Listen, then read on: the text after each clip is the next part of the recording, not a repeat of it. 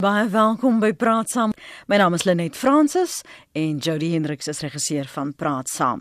'n Vergadering oor die ANC kwessies in Noordwes is hoog op die agenda van sake by Lutuli Huis in, in Johannesburg. Die Hooggeregshof in Johannesburg het bevind dat die nasionale uitvoerende komitee se besluit om die provinsiale uitvoerende komitee te ontbind ongeldig was.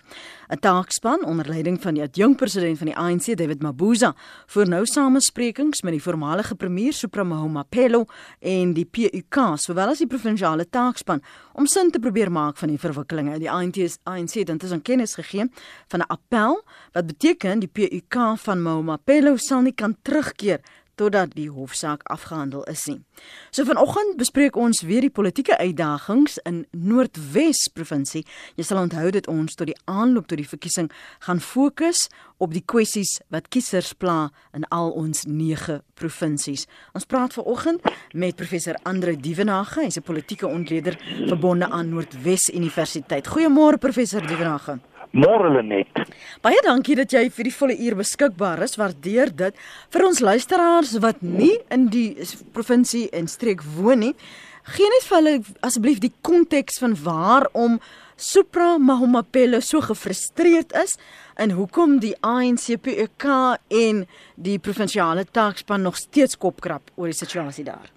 Wel net dit het primêr te maak met magstryde en gevegte binne die ANC in die provinsie. Nou dit kom al oor 'n lang tyd, jy kan die wortels daarvan gaan haal kort na 94. Maar in kort is dit maar dat meneer Mohammed Pello die sogenaamde sterk man in die provinsie is wat sy mag afdwing binne die strukture van die ANC en daardeur het hy gevorder tot die vlak van premier. Hy het hom bevind in 'n omgewing wat deur talle beskryf word as staatskapingsgeoriënteerd en waar die funksionaliteit van die staats- en provinsiale strukture geweldig afgebou is. Ons weet dat die meerderheid provinsiale departemente is disfunksioneel. Die plaaslike regerings is ook in 'n geweldige moeilike situasie. Mens dink maar net aan die agteruitgang mm. hier in Potchefstroom oor die laaste tyd en toe teen hier April verlede jaar was daar ernstige onluste en opstande en daar was druk vanuit verskeie geleedere en uiteindelik is meneer Mamopelo geforseer om te bedank sou ook sy provinsiale uitvoerende komitee en dis dan teen hierdie besluit wat hy dan 'n hofsaak begin het en wat hy in verlede week gewen het. En soos jy reg opgemerk het, die nasionale uitvoerende komitee van die ANC gaan appeleer. Ons weet ook dat die provinsiale uitvoerende komitee van die ANC se termyn verstryk eersdaags. Die groot kwessie en vraag is, gaan hulle nou onmiddellik 'n provinsiale verkiesing vir die ANC uitroep?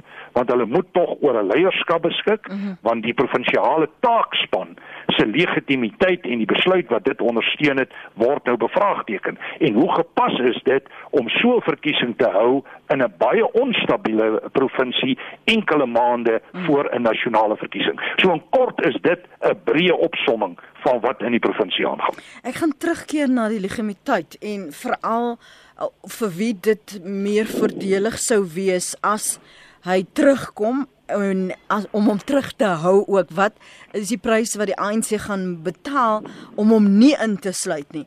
Ek wil eers ook net 'n ander punt hê jy moet aanraak. Praat met ons oor die Premierliga en waarom hierdie figuur van Supreme Mahmapelo en voormalige president Jacob Zuma telke male as en ware by die ANC in Noordwes spook. Net ek moet sê dat ons die politiek dan bietjie uit die provinsie vat, maar dis 'n baie belangrike punt wat jy daar aanraak na 'n nasionale vlak. En nou moet ons onthou in die opbou tot die 2017 nasionale konferensie van die ANC het die Zuma groepering primêr gewerk met provinsies KwaZulu-Natal, Mpumalanga, mm. die Vrystaat en Noordwes. En sedert die nasionale konferensie, ons moet weer sê, meneer Ramaphosa het dit naalskraap gewen met minder as 200 stemme wat letterlik die vorige aand oorgekoop is en wat meneer David Mabuza die pos van adjunkt president verseker het, mm sou die prentjie natuurlik totaal anders gewees het. Maar die kort en die lank is dat die Zuma groepering soos ons vandag na kyk, steeds 'n baie magtige en invloedryke groepering binne die ANC is in oppositie tot meneer Ramaphosa. En ek tel selfs gerugte op van pogings om meneer Ramaphosa te verwyder. Sommige praat in die rigting van 'n nasionale algemene raadsvergadering later die jaar waarin daar gepoog kan word om van meneer Ramaphosa ontslae te raak. En as jy kyk wie is die hooffigure wat hier 'n rol speel. En dit is ook hulle wat vergader het in daai omstrede vergadering in Durban. Mm. dan sluit dit onder meer meneer Supramo Mopelo in meneer Ysmagashule en so meer. So in daai sin koppel meneer Mopelo steeds na die Zuma kamp toe. En dit maak dit baie moeilik vir meneer Ramaphosa en sy magsbasis hier in die provinsie. So die konteks is nie net provinsiaal nie, die konteks is ook nasionaal. En nou lyk dit vir my gegee die magsbasisse of daar tog agter die skerms bepaalde ooreenkomste gesluit word en ons het die gerugte opgetel dat meneer Mohamopelo reeds geplaas is op die nasionale lys om parlement toe te gaan. En dit bring weer vrae op ten opsigte van die Zondo-kommissie, die ondersoeke na korrupsie. Kan meneer Ramaphosa het hy die mag en die wil om daadwerklik op te tree teen mense wat hulle skuldig gemaak het aan werklik ernstige vlakke van korrupsie wat baie neerkom op amper se plunderary van die staatsbronne. So meneer Mohamopelo word in daai konteks geplaas en ek kan sê die hofuitspraak van verlede week het ten minste sielkundig bepaalde momentum gegee aan uh, die inisiatiewe van meneer Mohamopelo. Ons het op 'n stadium hier die gerugte opgetel en daar's 'n party gestig hier in Potchefstroom, die Mayebuye African Congress en daar was sprake dat as meneer Mohamopelo gemarginaliseer sou word, hy sy eie party tot stand sou bring. Hy ontken dit natuurlik, maar ek bly van mening dat dit was 'n plan B indien plan A naamlik beheer op die ANC onsuksesvol was. So as ons praat oor Noordwes politiek, ons weet daar was jare gelede 'n hele die een hofsaak na die ander oor name en en wat dit genoem moet word oor plekname oor wat erkenning moet kry wie se geskiedenis erkenning moet kry wat is die groot kwessies en regtig die invloed van partye wat sterk figureer in Noordwes provinsie professor Hulle net as vinnig kyk en ek werk so terug op die verkiesings van 2009 en 2014 as nasionale verkiesings, dan is dit duidelik dat ons eintlik hier maar met vier groeperinge werk. Die ANC wat in 2009 25 uh, setels in die wetgewer gehad het, in 2014 23, die DA wat in 2009 3 gehad het en in 2014 4, die EFF wat 3 gehad het in 2009 en 2514 en die Vryheidsfront Plus met 1 en dan was daar twee ander in die proses. So dis eintlik maar daardie vier partye wat 'n rol speel. Jy is baie reg as jy sê dat hier verskeie konflikte was rondom name. Mens dink byvoorbeeld aan Potchefstroom, Tokwe wat nou die JB Marks munisipaliteit is en wat eintlik 'n amalgamasie was van Ventersdorp en Potchefstroom wat polities gesproke en natuurlik finansiëel ekonomies baie problematies was want op 'n stadium het oppositiepartye beheer geneem van Potchefstroom en ek beskou die amalgamasie nou nog as 'n politieke skuif van die kant van die ANC om seker te maak hulle behou politieke beheer oor hierdie omgewing. Die hele kwessie van name en identiteit is 'n groot faktor. Ons dink terug aan 'n poging om 'n standbeeld vir president Zuma op te rig hier in Noordwes.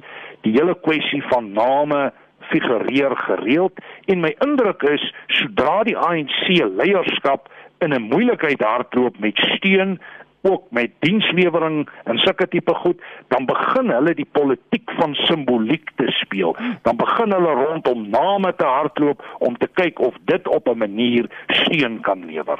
As mens net vinnig ekonomies kyk na die provinsie, ek kan sê ons se bevolking van hier rondom 4 miljoen in die provinsie en miskien moet ek tog maar sê wat Elisabeth Eybers van die Wes-Transvaal gesê het wat nou Noordwes is. God het geen berge of bosse oorgehad toe hy die land moes maak en kon toe net die vrede van volëinding hier laat. Nou moet ek sê die vrede van volëinding is in die laaste paar jaar 'n bietjie versteur. versteur maar as ja. ons kyk na die ekonomiese aktiwiteit, dit is 'n provinsie wat gebou is rondom mynbou. Mens dink spesifiek hier dan aan goud en platinium en natuurlik ook die landbou, 'n baie belangrike landbouomgewing op die oomblik geknel deur droogte.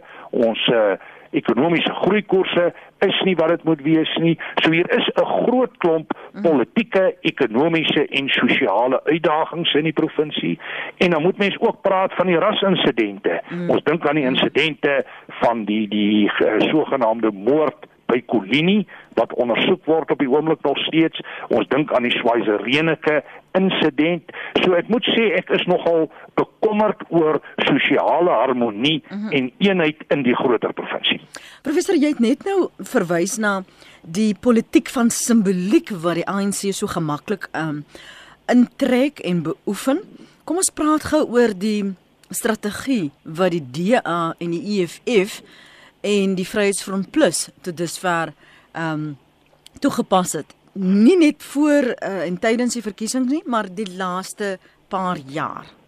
Ja, kyk, ek dink al al drie daardie partye funksioneer maar binne hulle bepaalde en onderskeie beleidsraamwerke.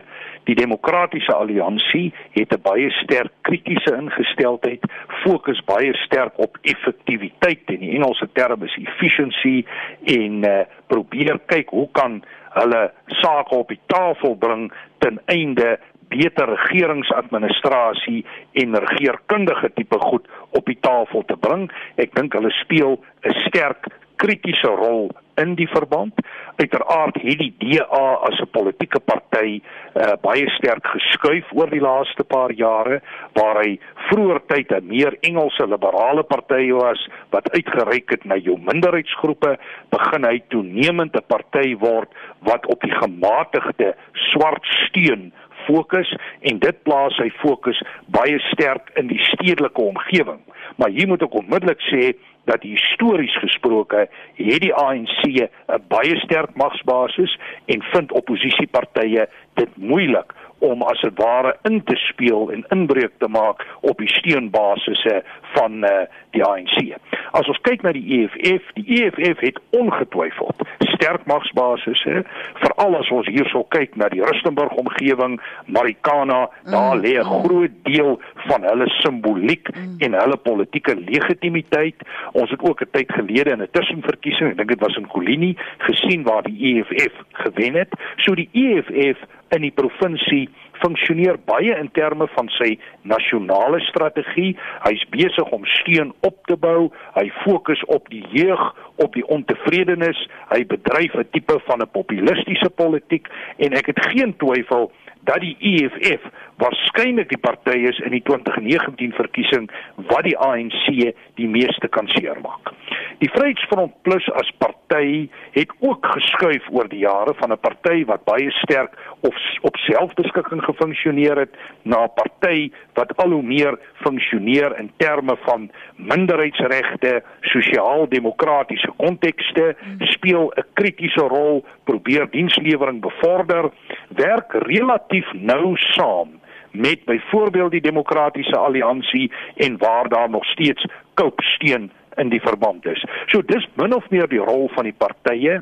Ek dink in die algemeen is die ANC se magsbasis baie sterk. Die grootste bedreiging vir die ANC is myns insiens nie oppositiepartye nie, maar die binnengevegte op die oomblik. En hier sien mense die lyne. Ons het vroeër oor meneer Mohamopelo gepraat wat gekoppel is aan die groter Zuma groepering en ook na meneer Ismagashule toe, die sekretaris-generaal van die ANC.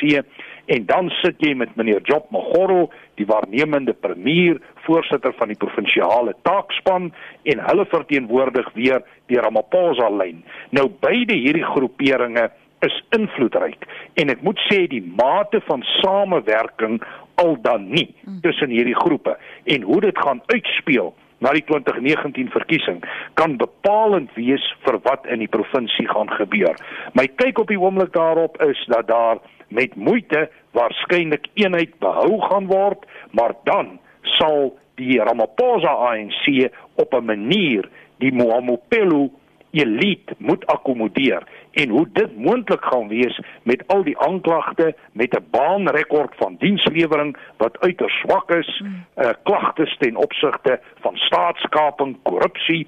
Ons weet dat verskeie plaaslike regerings is daar on, is onderhewig aan intervensie in terme van artikel 139 van die grondwet en steeds gaan dit nie goed nie. Ek het op 'n stadium hier met mense gepraat wat vir lang tye nie water gehad het nie. So dit is 'n probleem in daai sin is die verkiesing in onsekerheid gehul.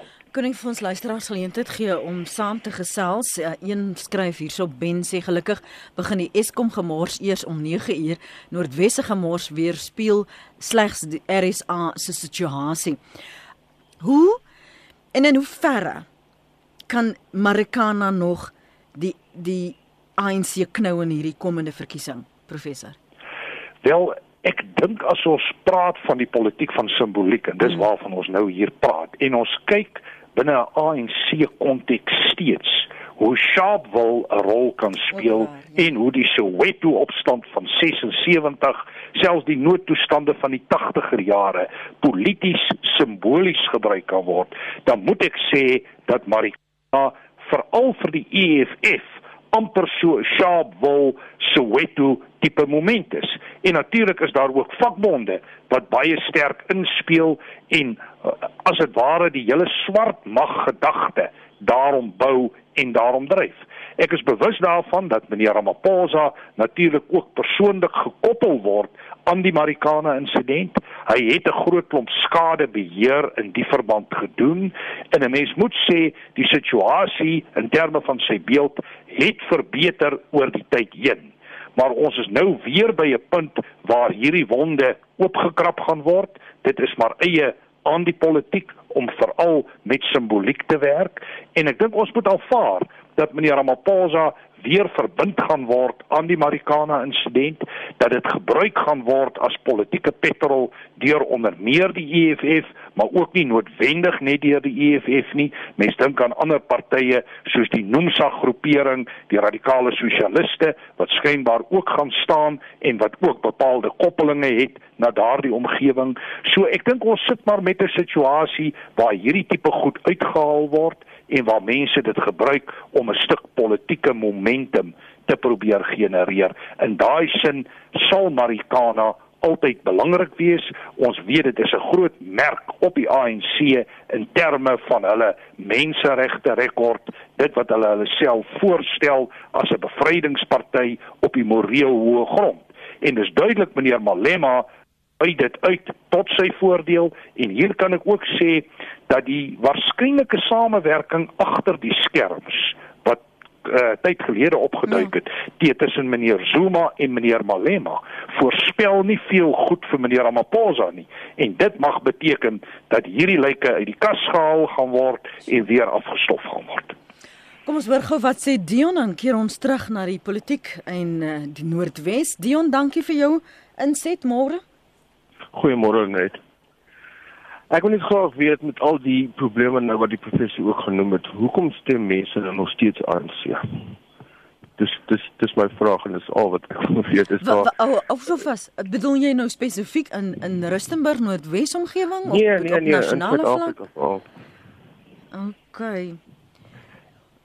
Ek is ek is net bietjie bang dat ons die te ver en te wyd gaan omdat ek dit nie wil terugbring na die fokus op Noordwes. Net ek sal vinnig antwoord. Goed, dankie Dion. Ek ek, eh, ek ek verstaan die sensitiwiteit. Ek moet die vraag baie beantwoord, maar in kort kom dit daarop neer. Suid-Afrikaners stem baie konservatief. Dit is soos 'n rugby span wat jy kies. Jy los hom nie maklik nie. Jy bly by hom al het hy bepaalde swakhede en gebreke. En dan moet ons sê die ANC as 'n party kry dit reg om die boodskap te verkondig dat ehm uh, hulle is die bevrydingsparty, hulle het 'n verskil gemaak, die lewens van swart mense is beter. En dan natuurlik moet ons sê die hele stelsel van patronaatskap waar mense toelaag ontvang, dit verbind hulle tot die ANC en dit is 'n werklikheid wat nie vinnig gaan skuif nie. Kortom, mense stem nie meestal vir beginsels en waardes nie. Hulle stem daar waar hulle glo hulle die meeste voordeel kan kry en die meerderheid Suid-Afrikaners glo steeds dat binne die raamwerk van die ANC daar vir hulle die meeste voordele is. Jy sê, hy's 'n mens van Esta wat sê, ek hoor al hoe meer die term identiteitspolitiek in die omgang vra vir die prof wat die term presies beteken. Ons het al oor gesels oor Esta, maar kom ons vra die die vlak van identiteitspolitiek wat beoefen word spesifiek in Noordwes. Jy het nou verwys na die politiek van simboliek, maar identiteit van waar ons kom en wat ons wortels is, vind dit enigstens inslag in in die manifeste van daar en dan ook die debatte wat gevoer, uh, gevoer word. Lenet, ja, ek ek wil die ding bietjie breër gaan haal. In tye van groot verandering soek mense na vastigheid en dit wil gryp hulle terug na hulle identiteite toe. En dit is 'n wêreldwye fenomeen van Donald Trump wat sê Amerika eerste tot forme van Russiese nasionalisme onder Putin wat ons sien by die Chinese, wat ons sien by verskeie identiteite dwars oor die Afrika kontinent. En primêr werk dit op 'n tipe van 'n kulturele identiteit en verwysing. Dit val dikwels saam met ras dit kom vanuit 'n bepaalde geskiedenis en dit is so dat identiteitspolitiek in die Suid-Afrikaanse politiek baie sterker na vore tree. Ek sien dit veral onder die bruin mense in die Kaap, maar jy sien dit ook by jou Zulu groepering waar meneer Zuma openlik die ANC afters vanuit 'n bepaalde Zulu magsbasis. Hy was 'n tyd gelede hier in Gauteng waar hy primêr met 'n Zulu groepering gepraat het. As jy kyk na Noordwes, dan is daar ongetwyfeld 'n Tswana faktor wat 'n baie sterk invloed het. En met tye as jy met van die persone praat, is daar selfs 'n teruggryping na die tydperk van iemand soos Lukas Mangope in die tyd van Babu Tatswana en ek sê nou nie ons gaan terugkeer soontoe nie, ek gebruik dit bloot as 'n voorbeeld van identiteitspolitiek. Ook wat die wit omgewing aanbetref, tel ek dit deesdae op dat rondom Afrikaners daar ook 'n sensitiwiteit is vir identiteit, veral in die omgewings waar hulle skole en universiteite bedreig word. So ja, dit is 'n rol, dit is 'n belangrike faktor in die hmm. verkiesing wat wel so is in die omgewing van veelrassigheid, in die omgewing van politieke korrektheid, waar die sentimente en standpunte in hierdie verband nie altyd baie sterk genoeg uitgespel nie. En in daai sin word dit onderspeel, maar dit is 'n realiteit wat steeds 'n groot invloed het op ons politiek en as ek die groter omgewing reg lees, dan gaan dit vorentoe 'n nog sterker rol speel. So die laaste ruk se kwessies wat ons in die koerante en in hofsaake oorlees, het dit maar meerendeels gegaan oor hierdie sosiale harmonie waarna jy verwys het, die sosiale kohesie en en minderheidsregte soos taal en miskenning van taal. Hulle net dit gaan die sosiale harmonie hardloop vir my rondom ten minste drie groot kwessies. Ja. Dit gaan oor ras, dit gaan oor kultuur en dit gaan oor klas. En om harmonie en ewewig en verdraagsaamheid te kry, moet jy hierdie goed in balans kry. En as ons blote ontleding maak van die verkiesings sedert 94, dan kom jy agter een van die eerste kenmerke wat uitstaan rondom verkiesings is dat partye baie sterk op 'n rasbasis funksioneer en jy kan dit duidelik sien in die steunbasis van 'n party soos die ANC, soos van die Vryheidsfront plus as 'n ander voorbeeld. Die een wat 'n effense uitsondering op die reël was, is die Demokratiese Alliansie wat gegroei het van 'n wit party na 'n minderheidsparty en deesdae 'n party is wat al hoe sterker begin te fokus op die hele kwessie van 'n stedelike middelklas. En dis interessant en dit was in die media dat daar die afgelope tyd 'n groot debat binne die DA was oor die hele kwessie van swart bemagtiging. Daar's een groep wat argumenteer ons kan nie met rasse kategorieë werk nie. Ons moet kyk na individue en hulle behoeftes aanspreek ongeag ras en meneer Musi Maimane se groepering wat die raskomponente beklemtoon en as vertrekpunt neem, het gewen. So dis weer eens 'n bewys tot watter mate ras, maar ook kultuur en as jy na jou sosialistiese omgewings beweeg, klas 'n rol speel en al drie hierdie faktore gaan belangrik wees in terme van die uitslag van die verkiesing. Uh een luisteraar sê met die voortsleepende beerdkrag is baie moeilik vir my aangesien ek op 'n suur ek so jammer ben suurstofmasjien is en dan sonder suurstof sit. Uh baie jammer om dit te hoor. Nog 'n luisteraar skryf weer die groot rol van landbou en landelike omgewing van die provinsie Ooh, dit is 'n kwessie. Watter rol sal grondhervorming in die verkiesing speel? Die vloer is joune professor? Lenet, ja, die hele ons weet die verkiesing van 2019 hmm. gaan baie sterk rondom grond en die grondkwessie uitspeel. En wat vir my interessant is, is die standpunt binne die ANC. Daar's eintlik twee stelle denke binne die ANC die meer radikale groep en ek koppel hulle ook aan die Zumas van die wêreld en so aan. Hulle koppel ook na die Black uh, eh, BLF Black Land Black First Land First groepering. Is baie sterk vir die onteieningslyn en vir 'n radikale lyn. As jy kyk na die EFF dan vat hulle dit so ver as eintlik die nasionalisering van produksiefaktore, grondkapitaal, arbeid en onderneming alles onder die beheer van die staat. My kyk hierop is dat die ANC onder die leiding van meneer Ramaphosa het 'n baie sagter en meer gematigde aanslag ten opsigte van grond en grondhervorming. En dis baie interessant toe ons nou na die staatsrede van die president geluister het. Is daar nêrenster direk verwys na grondonteiening sonder vergoeding nie. Daar's wel gesê daar sal grondhervorming wees, fokuspunte daarvan sal wees staats eiendom en staatsgrond en ook gebiede rondom dorpe en stede wat 'n mens uiteraard kan verwag. Maar ek het daarin gelees dat die posisie van kommersiële boere nie te veel geraak gaan word nie. En dit het my positief gestem. Trouwens, dit was vir my die mees positiewe waarneming wat ek gelees het in die staatsrede. Nou ek verwag steeds dat die grondwet waarskynlik gewysig gaan word, maar ek verwag 'n baie sagte toepassing. En dit hang saam met die groter prentjie wat meneer Ramaphosa baie sterk beklemtoon het dat ons moet ekonomiese groei kry. Slegs deur ekonomiese groei kan ons kwessies aanspreek waaronder werkskepping en die armoede vraagstuk en so meer. So ek dink dit is die lyn wat hy gaan loop.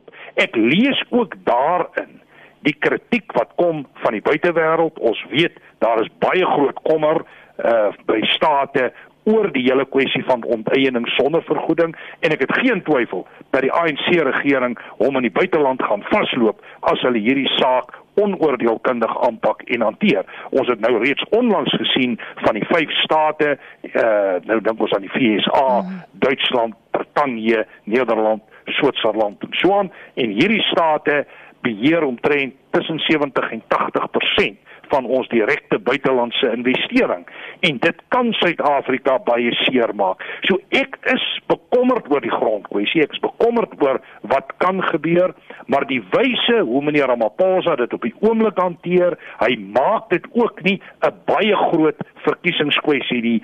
Stem my redelik positief en ek dink op hierdie stadium moet ons aanvaar dat ons eerder 'n voortsetting van die status quo gaan sien as baie radikale verandering ten opsigte van grondhervorming. Dit klink net vir my na aanleiding van van ons gesprek vanoggend asof ANC politiek en daardie magstryde die hele politieke landskap in Noordwes oorheers professor ek weet nie of ek mense wat in Noordwes bly moet jammer voel nie want dit klink asof as alles net sleg gaan daarso Uh weet jy net ons het ons uitdagings hier en hier is bepaalde probleme maar ek dink op 'n manier en iemand het dit vroeër ook in die gesprek genoem is Noordwes maar 'n mikrokosmos van wat in Suid-Afrika gebeur. Miskien op die skaal en die spektrum is ons 'n bietjie swakker daaraan toe, effens onder die gemiddeld, maar ons is daarom ook nog nie heeltemal waar die Oos-Kaap en dele van Limpopo is nie. Aan die ander kant dink ek ook nie ons kan kompeteer met byvoorbeeld die Wes-Kaap en waarskynlik dele van die Gauteng omgewings nie. Jou opmerking oor die ANC en die magstryde binne die ANC is baie waar, maar ons moet weer sê dit is net soveel 'n nasionale fenomeen as wat dit 'n provinsiale een is. Wat wel by ons provinsie belangrik is, is hierdie hele kontak na die Zuma groep toe en die magsbasisse van meneer Supra Mohamopelo en dan natuurlik wat ook baie kommerwekkend is, maar dit is net so akut in 'n omgewing soos die Vrystaat, is die kwessie van politieke en staatkundige verval en die feit dat strukture nie behoorlik funksioneer nie, dat plaaslike regering nie meer kan dienste lewer nie, maar hier moet ek sê, het ek nogal groot agting gekry vir die waarnemende premier, premier meneer Job Mogoro wat werklik probeer het om stappe te neem om prosesse reg te stel. So ek dink daar is hoop, die situasie is nie net sleg nie, maar dan soos in Suid-Afrika moet ons besluit op 'n rigting, ons moet mense bymekaar hou en ons moet vorentoe beweeg in die beste belang van die provinsie.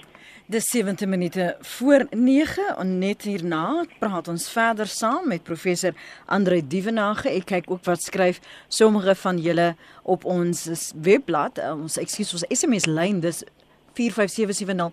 Elke SMS kos jou R1.50. Een luisteraar sê Rasisme is maar 90% die gegewe. Wegwens kan ons dit nie. Bestuur kan ons dit wel, skryf SP. Ehm um, Larika sê meneer Ramaphosa mag dalk 'n sagter benadering hê ten opsigte van grond, maar as die grondwet verander is dit oop vir 'n harde benadering. En nog 'n luisteraar sê identiteitspolitiek wanneer ek in Potch is tussen Afrikaners, is dit 'n terugreis na pre 1994. Hulle identifiseer nog sterk met voortrekkers wat daar nedersettings gehad het. Ek weet daarmee of dit kan waar wees nie professor? Wel, ek moet sê ek nou ek sit nou hier tussen die studente en ek werk baie direk met hulle. Nou die studente omgewing is maar 'n komplekse omgewing, mm -hmm. maar ek is bereid om te sê daar's waarskynlik meer millennials in hierdie omgewing as wat daar mense is met 'n verbintenis tot die voortrekkers. Ek moet sê ek ervaar eintlik tot 'n sekere mate half die omgekeerde dat mense Afrikaners in besonder hulle baie sterk definieer en herdefinieer in hierdie postmoderne, postindustriële tipe omgewing dat baie hulle voorberei ook vir loopbane nie net in Suid-Afrika maar in die buiteland nie. In daai sin dink ek lyk Potchefstroom maar soos die meeste ander kampusse waar daar Afrikaanse invloed is, soos byvoorbeeld Stellenbosch tot 'n sekere mate nog Koffsies en Pretoria.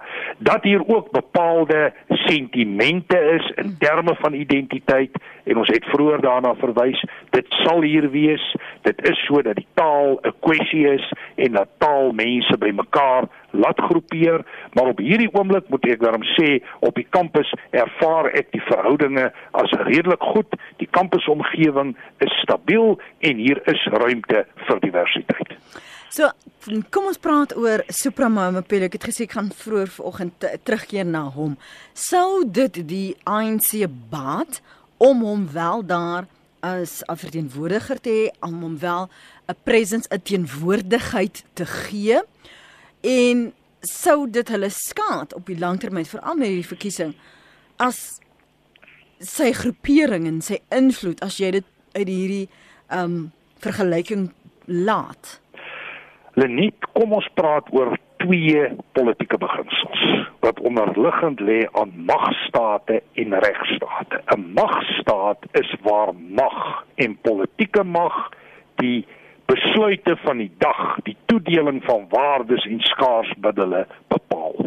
Jy kry dit tipies in omgewings waar uh, diktatoriale of selfs totalitêre regerings aan die orde is. Ons kry dit baie pertinent in 'n Afrika konteks en dit staan redelik sterk teenoor demokratiese waardes en die vestiging van demokratiese waardes. Dis die een omgewing. Die ander omgewing is die van 'n regstaat. En ons bied onsself aan as 'n regstaat waar grondwetlike en konstitusionele beginsels geld en waar dit toegepas word. Nou as ons praat oor meneer Mamopelo, hy's 'n tipiese voorbeeld van 'n sterk man, iemand wat magsbasisse definieer en dan daardie magsbasisse aanwend tot sy eie voordeel om vir homself en sy omgewing te beding. Dis ook wat meneer Ysmagashule doen, dit is ook wat meneer Zuma in die brede doen en dit het ook die grondslag gelê vir prosesse so staatskaping, endemiese korrupsie en so meer. Nou die vraag, tot watter mate kan meneer Ramaphosa optree teen hierdie magshebbers binne die ANC en ek moet sê ek het kommer daaroor dat meneer Ramaphosa nie 'n sterk genoeg magsbasis het om werklik teen hulle op te tree nie. En dan gaan hulle die lyn volg van die politiek van akkommodasie deur eintlik mense te probeer akkommodeer. Ons het reeds gesien waar meneer Mamopelo se naam genoem word op die nasionale lys, waar Melusi Gigaba se naam genoem word ten spyte van korrupsie aantuigings. Ek verstaan daar was 'n nasionale uitvoerende komitee vergadering waar daar versoek is dat almal wat aan staatskaping of Bosasa gekoppel word, hulle moet onttrek, maar niemand het onttrek nie. Die vraag is wat gaan meneer Ramaphosa daaromtrent doen? As hy die weg volg van die konstitusionele staat, dan moet hy daadwerklik optree.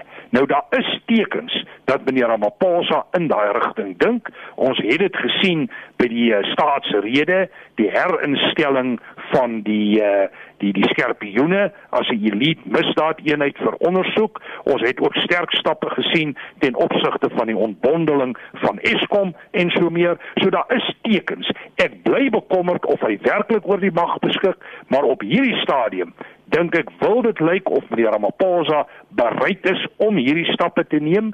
Dit is weliswaar gevaarlik kort voor die verkiesing. So ek dink hy gaan dit sagter speel tot by die verkiesing, maar daarna verwag ek meer sterker optrede van sy kant. Professor ehm um, Dievenage, wat jy sien waar hulle dalk nie eers aan aandag gee of oorweeg nie en die soort vrae wat jy jouself moet afvra as 'n kiezer. Ehm um, as jy nog nie 'n besluit gemaak het oor waar jy jou kruisie gaan trek nie. Hulle net primêr gaan die politiek en ook besluitneming in die politiek oor jou belang en hoe jy jou belang gehanteer wil sien.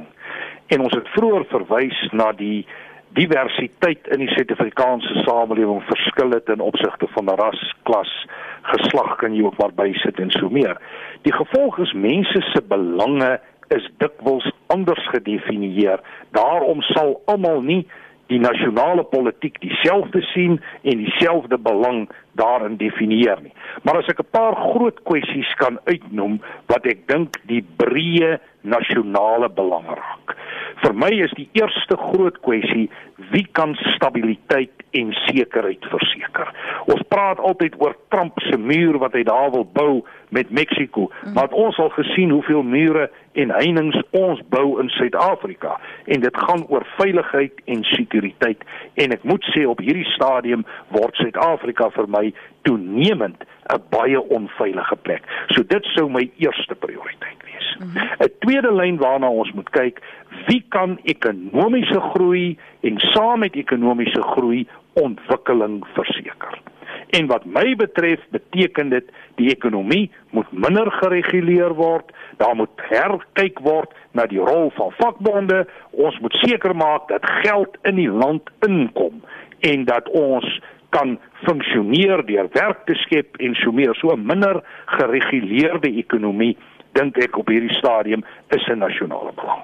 Dan as ons kyk na die staat en die strukture van die staat is dienslewering van kernbelang. Ons infrastrukture is besig om in duie te stort. Ons kyk nou na die Eskom krisis wat skynbaar nog groter is as wat mense verwag het. Ons kyk na dienslewering op munisipale vlakke. Ek weet dis 'n nasionale en 'n provinsiale verkiesing, maar nogtans dit raak die burgers direk en ons politieke bedeling is maar altyd gesentraliseer. Dan natuurlik dink ek op 'n sosiale vlak is dit baie belangrik dat politici vir ons 'n rigting, 'n pad gee van waar wil hulle met ons heen gaan en wat verwag hulle van die burgers.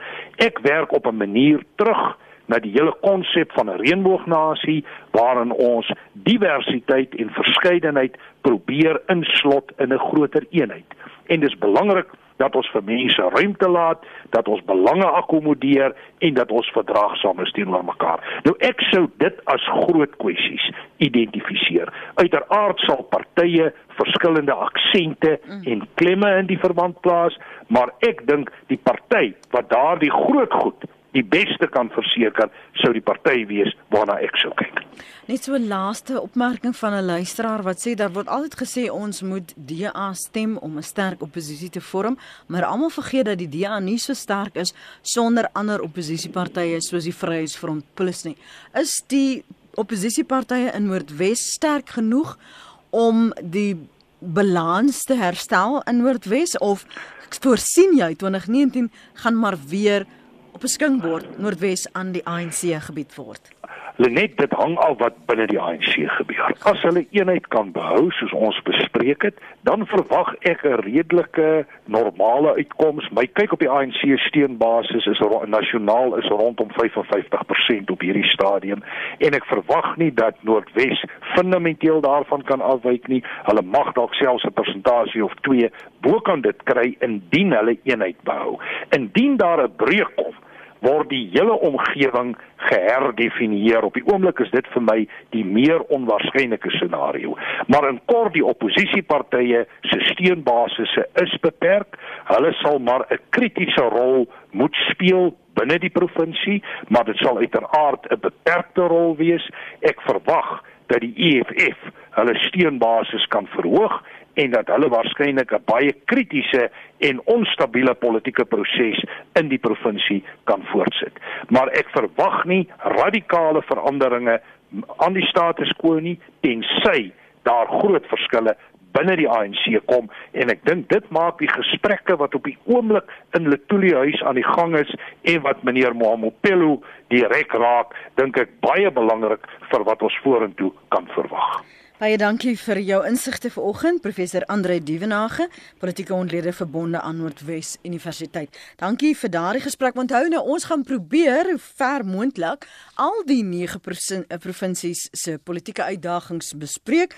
Um ek dink ons gaan volgende week probeer om bietjie te fokus in die baai vir al die luisteraars daar, die kwessies. Ons het ook al die hofsaake gesien en die bekleierery en die uitstemmery en die dreigemente daar in die Nelson Mandela Metropool. So ons gaan praat oor die uitdagings in Port Elizabeth en in daai Ooskaap provinsie. Daar is natuurlik ander kwessies ook. Ek het nou net na een verwys. So as jy belang het in die politiek en jy wil jouself opvoed en inlig oor die aanloop tot die verkiesing, dan is praat saam die plek om te wees op 100 tot 104 FM wêreldwyd by rsg.co.za. En ons gaan ook soveel moontlik waar ons kan die verse groep mense nooi om ontleding vir ons te doen. Uh almal wat nie noodwendig saamstem nie en dit elkeen het mos maar uh, sy reg soos jy ook om die situasie anders te lees.